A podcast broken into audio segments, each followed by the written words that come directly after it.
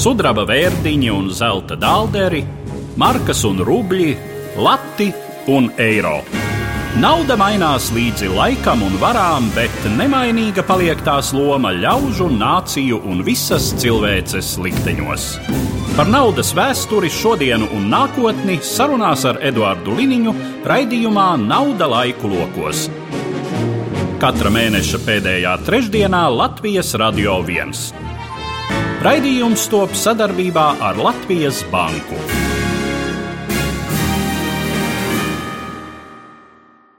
Labdien, cienījamie klausītāji!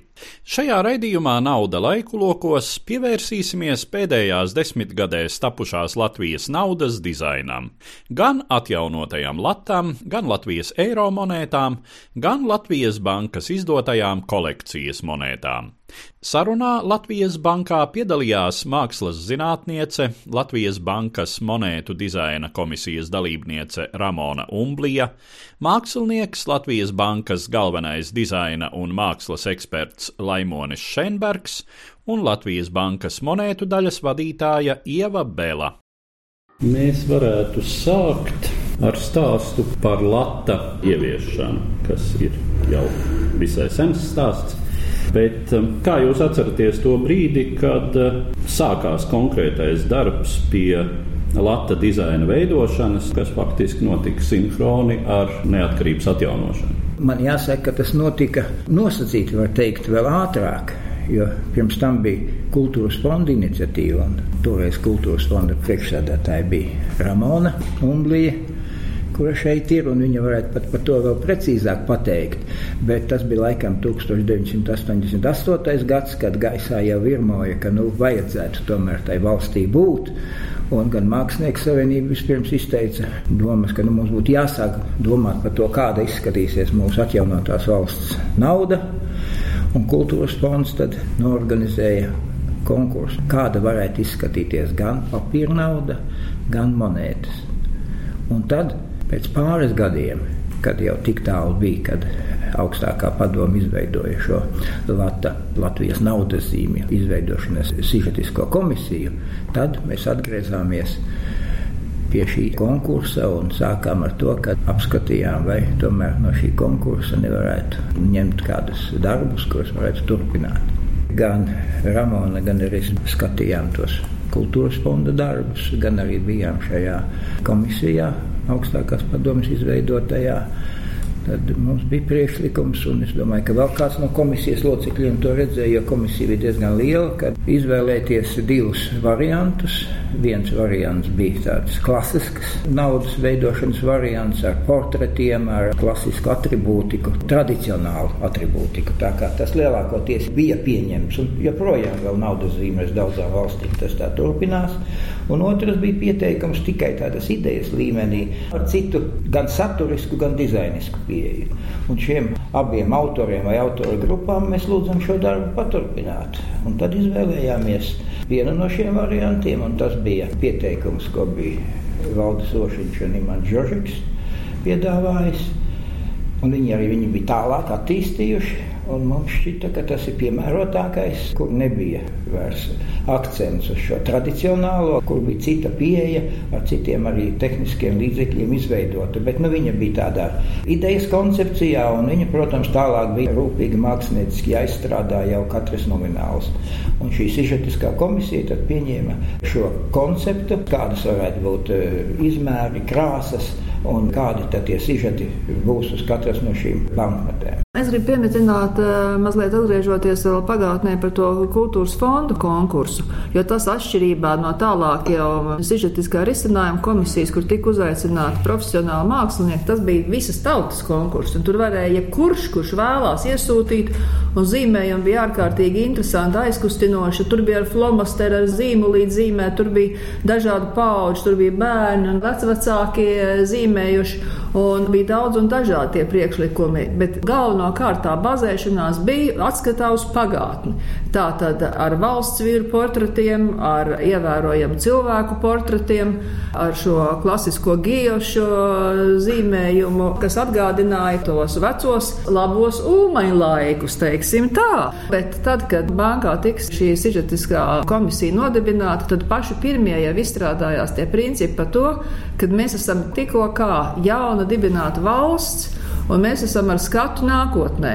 Un domājot par jaunās valsts, jauno naudu, mums ir jāskatās uz priekšu, mums jāskatās nākotnē, nevis pagātnē.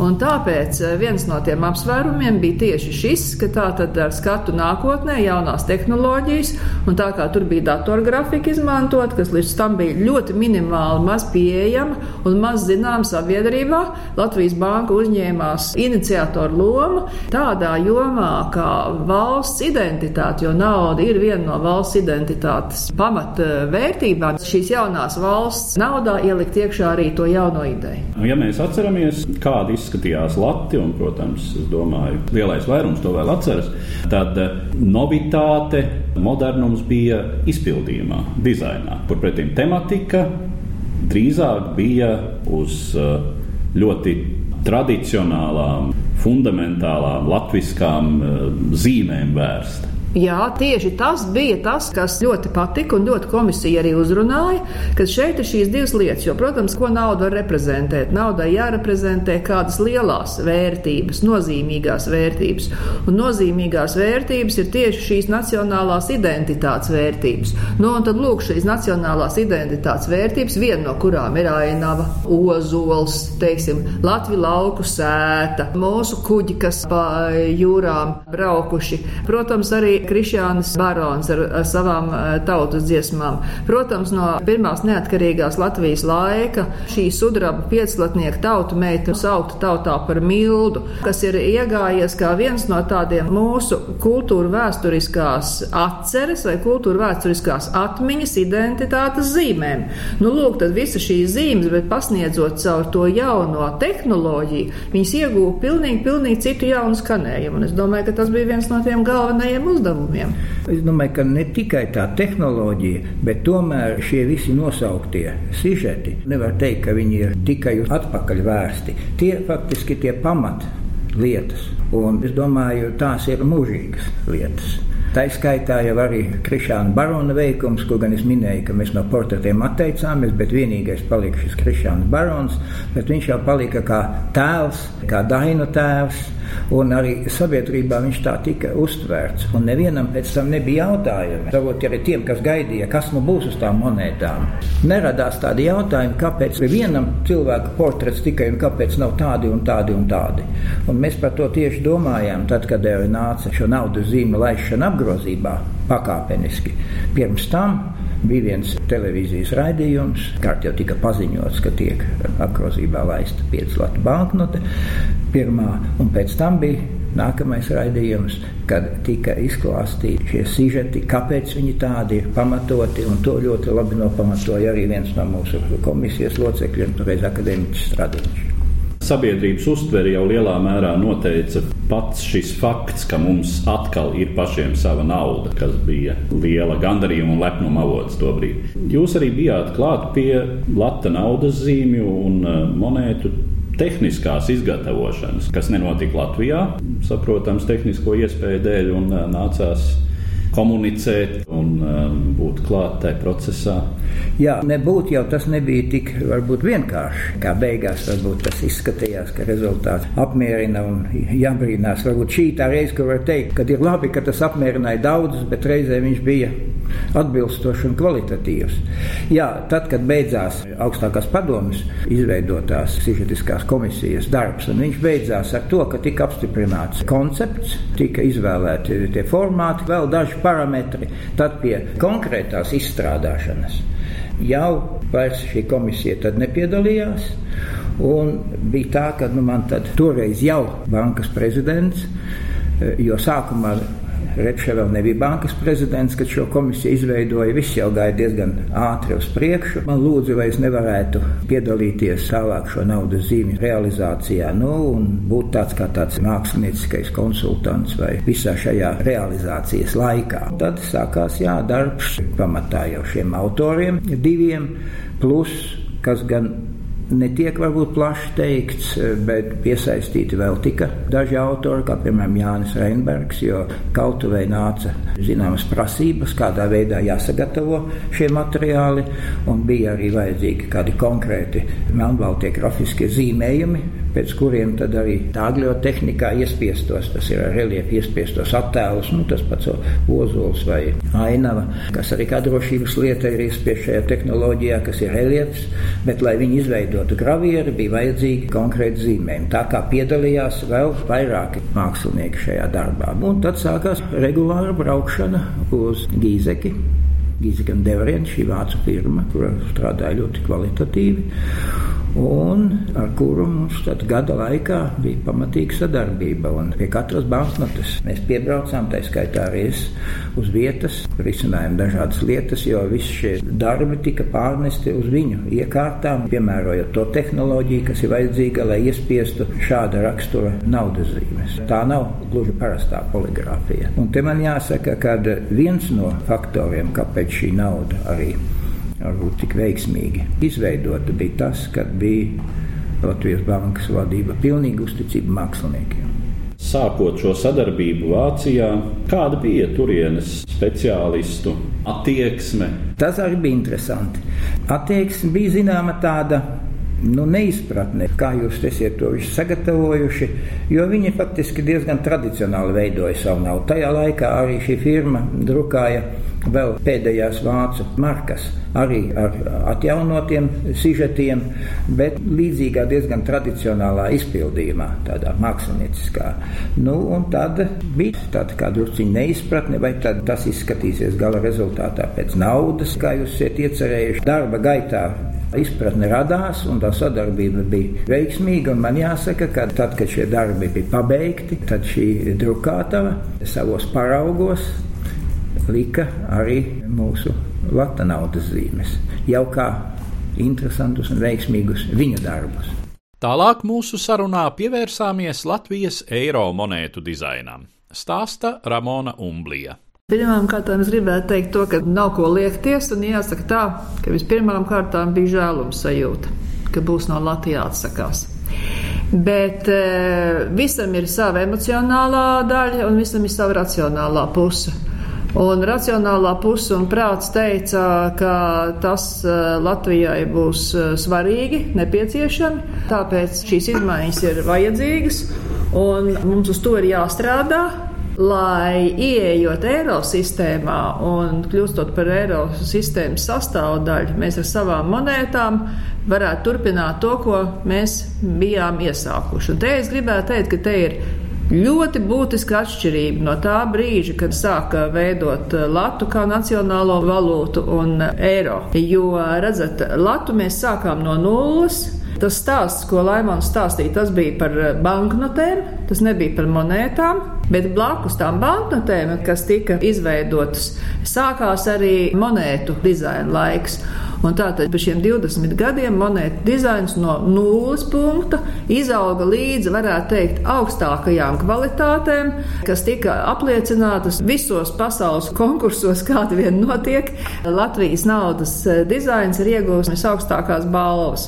Tāpēc, ka šajos 20 gados no tā paša sākotnējā uzstādījuma par to, ka mūsu naudai ir jābūt tātad pašvērtībai, ka mūsu naudas zīme ir arī mūsu mūsu kultūras zīme.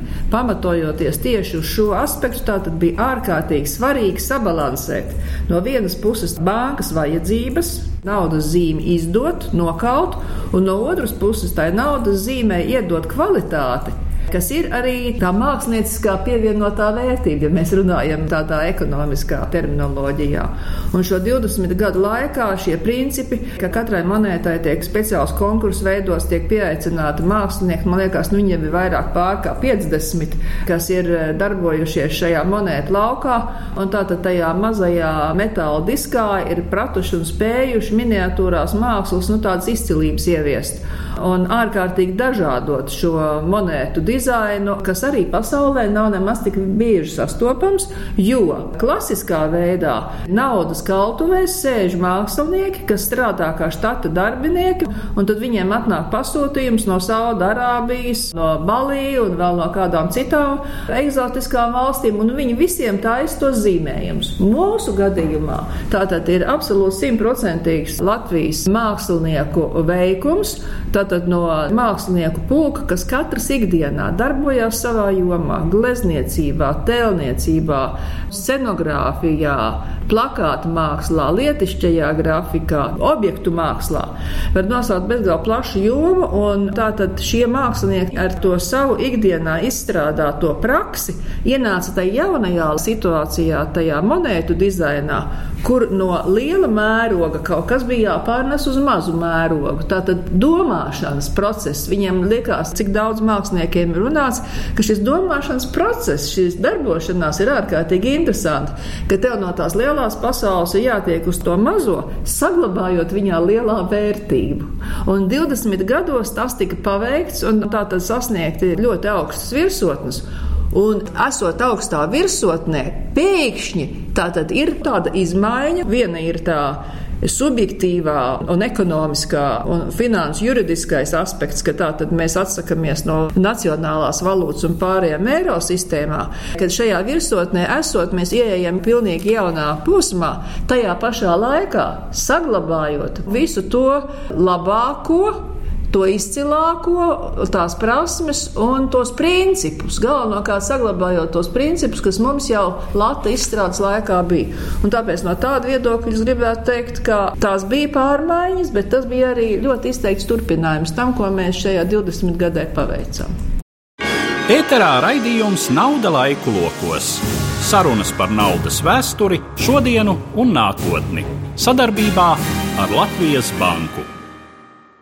Mēs jau gluži organiski pārgājām pie vēl viena šī sarunas temata, un tās ir nevis apgrozības, bet šīs eh, jubilejas un kolekciju monētas kas ir eh, kļuvis Latvijas bankai par tādu pamanāmu darbības veidu. Prakse, kuru piekopīja šķiet visas nacionālās bankas visur pasaulē, un tā tematika arī dzen ir vairāk vai mazāk tradicionāla daudz vietā kas ir valsts jubilejas, pilsētu jubilejas, tad ir sporta spēles, izcilu personu jubilejas.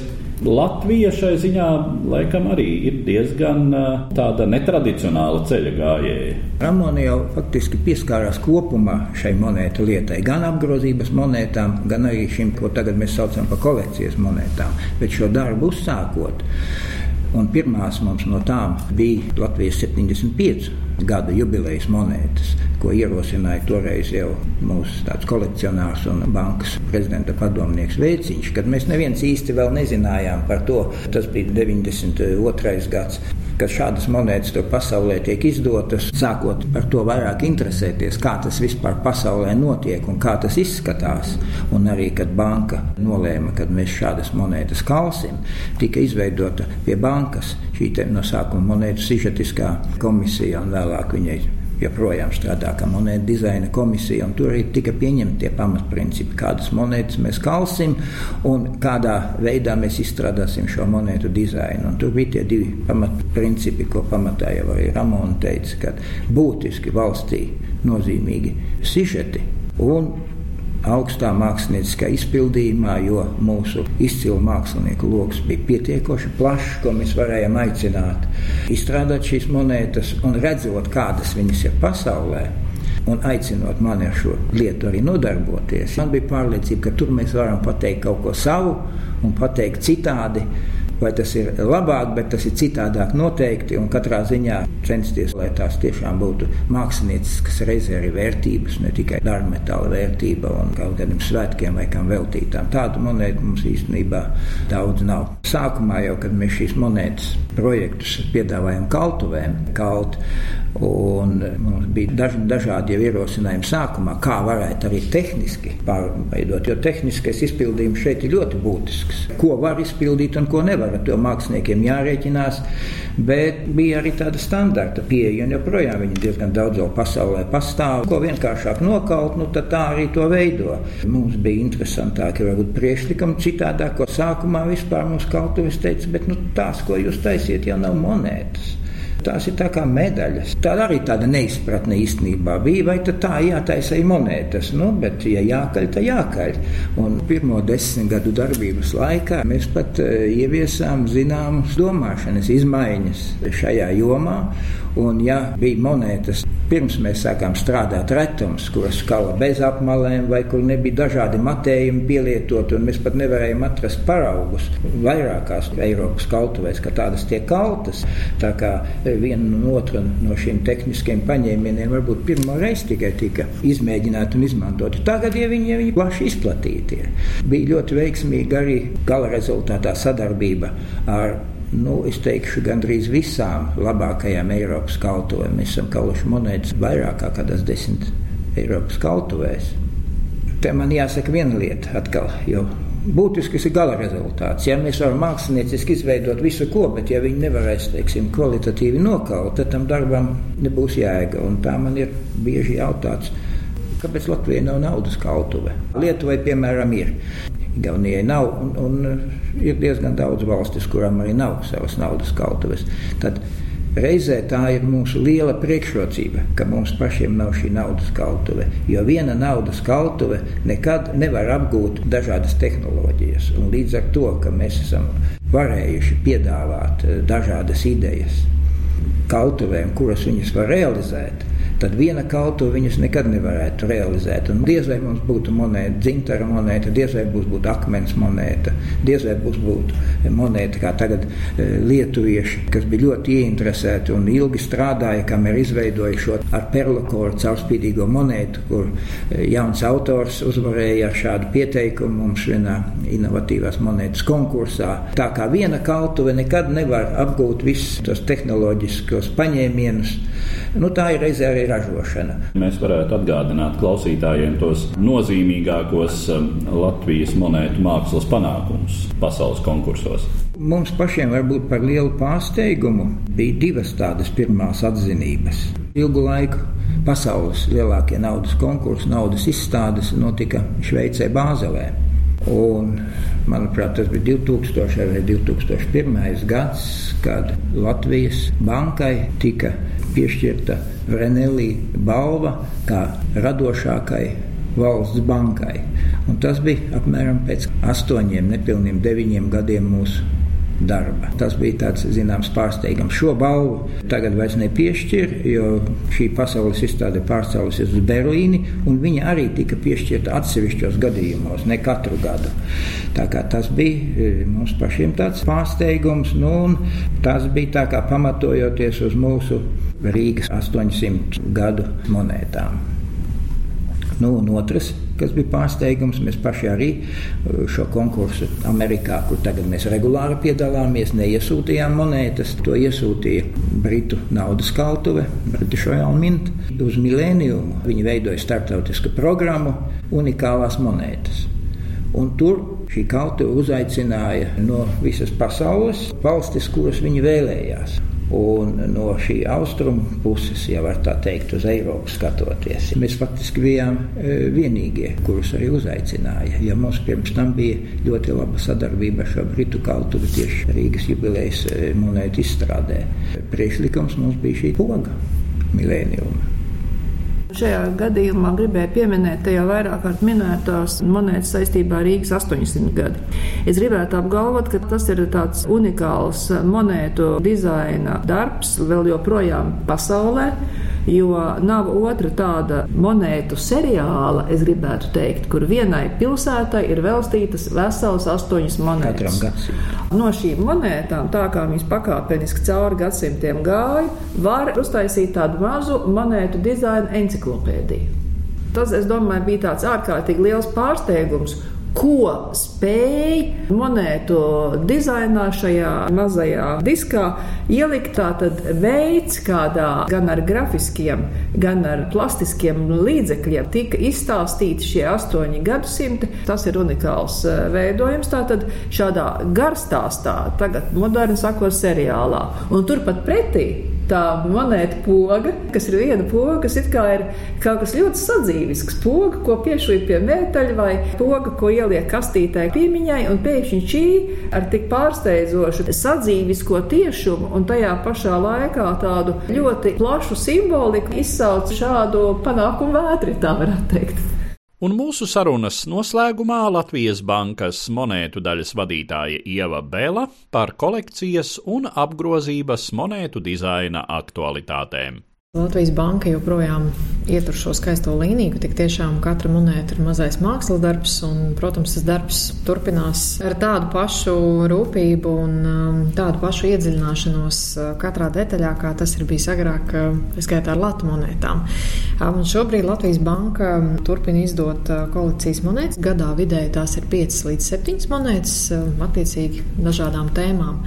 Un varbūt tā mūsu specifika ir arī tā, ka pasaulē, piemēram, ļoti daudz tiražēja. Ja viena ideja ir bijusi veiksmīga, tad uh, bankas veido monētu sērijas, kā piemēram minot uh, caurspīdīgo monētu zemi. Tātad no nu, Latvijas banka tomēr saglabā to, ka mēs neveidojam komerciālas tiražējumas sērijas, bet katra monēta ir ar jaunu stāstu, ko mēs ar šo monētu vēlamies pateikt.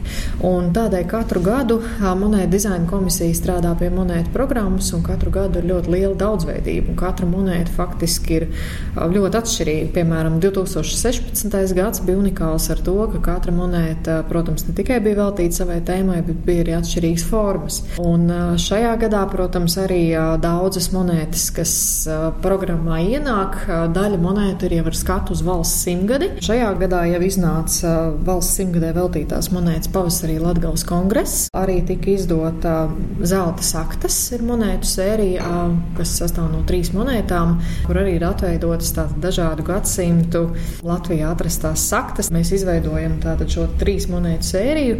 Otrā monēta, zelta saktas pakavas sakta, iznāca šogad augusta beigās, un trešā būs zelta saktas burbuļu sakta, kur iznāks 18. gadā. Un tad uz 18. gada valsts svētkiem uz 18. novembri tuvāk šim datumam būs pieejams arī visu trīs monētu komplekts, kas būs no tā graznākā, skaistākā dāvana. Saistībā ar valsts simtgadi būs arī ļoti interesanti kolekcijas monēta, kas ir gaidām nākamajā gadā, veltīta visiem četriem kultūra vēsturiskiem apgabaliem. Ir interesanti, ka mēs jau 16. gadā sākām izdot paralēli kolekcijas monētām, ir arī 2 eiro piemiņas monētas. Katru gadu tādas ir divas, un jau 16. gadā sākās kultūra vēsturiskajiem apgabaliem veltīto monētu sērija. Iznāca 2 eiro piemiņas monēta vidzeme, uz kuras ir attiecīgi vidzemes ģērbonis, un tik tikko iznāca Latgali un Kurzeme, kas arī ir pieejama skaistā suvenīra iesaiņojumā un šīs monētas joprojām var iegādāties. Un tad 18. gadā būs zemgalē veltītā monēta, un pie viena iznāks tāda interesanta kolekcijas monēta,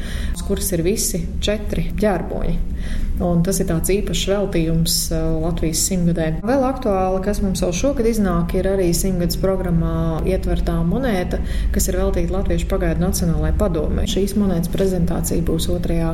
decembrī valkā, tātad jau šo sestdienu, un uh, no 4. decembra būs arī tirniecībā, un tā ir arī ļoti interesanta monēta, kuras dizaina autors mākslinieks Ivars Drūle. Ideja par signālu, kas pirmo reizi izskanēja no valkas par valsts dibināšanu. Tā kā katrai monētai tiek uh, meklēts ļoti interesants mākslinieckais risinājums, lai tiešām nestu stāstu un attēlotu to pēc iespējas labāk monētā, ne ilustratīvi, bet mākslinieciski augstvērtīgi. Vai ir paredzēta nākamā gadā arī kāda simtgadē veltīta apgrozības monēta? Jā, ir ļoti interesants projekts, kurā iesaistījās visas trīs Baltijas valstis. Un, nākamā gada sākumā, janvāra beigās, tiks izdota Baltijas valstu simtgadē veltīta monēta, kuras dizains tappa ļoti interesantā veidā. Tas bija atklāts konkurss, un dizainu izvēlējās Baltijas iedzīvotāji Tas bija publisks balsojums internetā. Tādēļ tas ir ļoti, manuprāt, tāds unikāls projekts, kas nu, savā veidā arī simbolizē Baltijas valstu vienotību. Autors ir lietuvieši Justis Petrulis. Um, viņa dizains tika izvēlēts publiskā balsojumā. Nākamā gada sākumā ir arī plānots, ka iznāks bērnu zīmējumu konkursa monētu Mana Latvija, kas arī ir šajā simtgadus programmā iekļauta. Un uh, šī gada sākumā, 17. gada sākumā, notika bērnu zīmējumu konkurss, un Latvijas banka saņēma tūpi 10 tūkstošu zīmējumiem. Un tiešām monētu dizaina komisija strādāja vismaz pusotru mēnesi, un katra bērna zīmējums tika apskatīts, vērtēts, un tā bija ļoti, ļoti grūta izvēle. Un tā rezultātā mazais autors bija Elizabete Kandere, desmit gadus veca meitene, kura bija iesūtījusi zīmējumu ar ļoti skaistu saulīti un vēlējumu Latvijai, saules mūžu Latvijai. Kā šobrīd mēs ļoti aktīvi strādājam ar Nīderlandes kaltu, kur uzvarēja konkursā šīs monētas izgatavošanai, un cerams, ka nākamā gada jau pirmajā ceturksnī šī monēta nonāks pie Latvijas iedzīvotājiem. Līdz ar to izskan raidījums, kas bija veltīts Latvijas naudas dizainam pēdējās desmitgadēs. Raidījumā piedalījās Latvijas naudas dizaina līdzveidotāji, mākslas zinātniece Ramona Umblija un mākslinieks Laimonis Šēnbergs, kā arī Latvijas bankas monētu daļas vadītāja Ieva Bela. Uz redzēšanos, cienījamie klausītāji! Nauda laiku lokos! Sarunas ar Eduāru Liniņu par naudas vēsturi, šodienu un nākotni Latvijā un pasaulē. Raidījums top sadarbībā ar Latvijas Banku.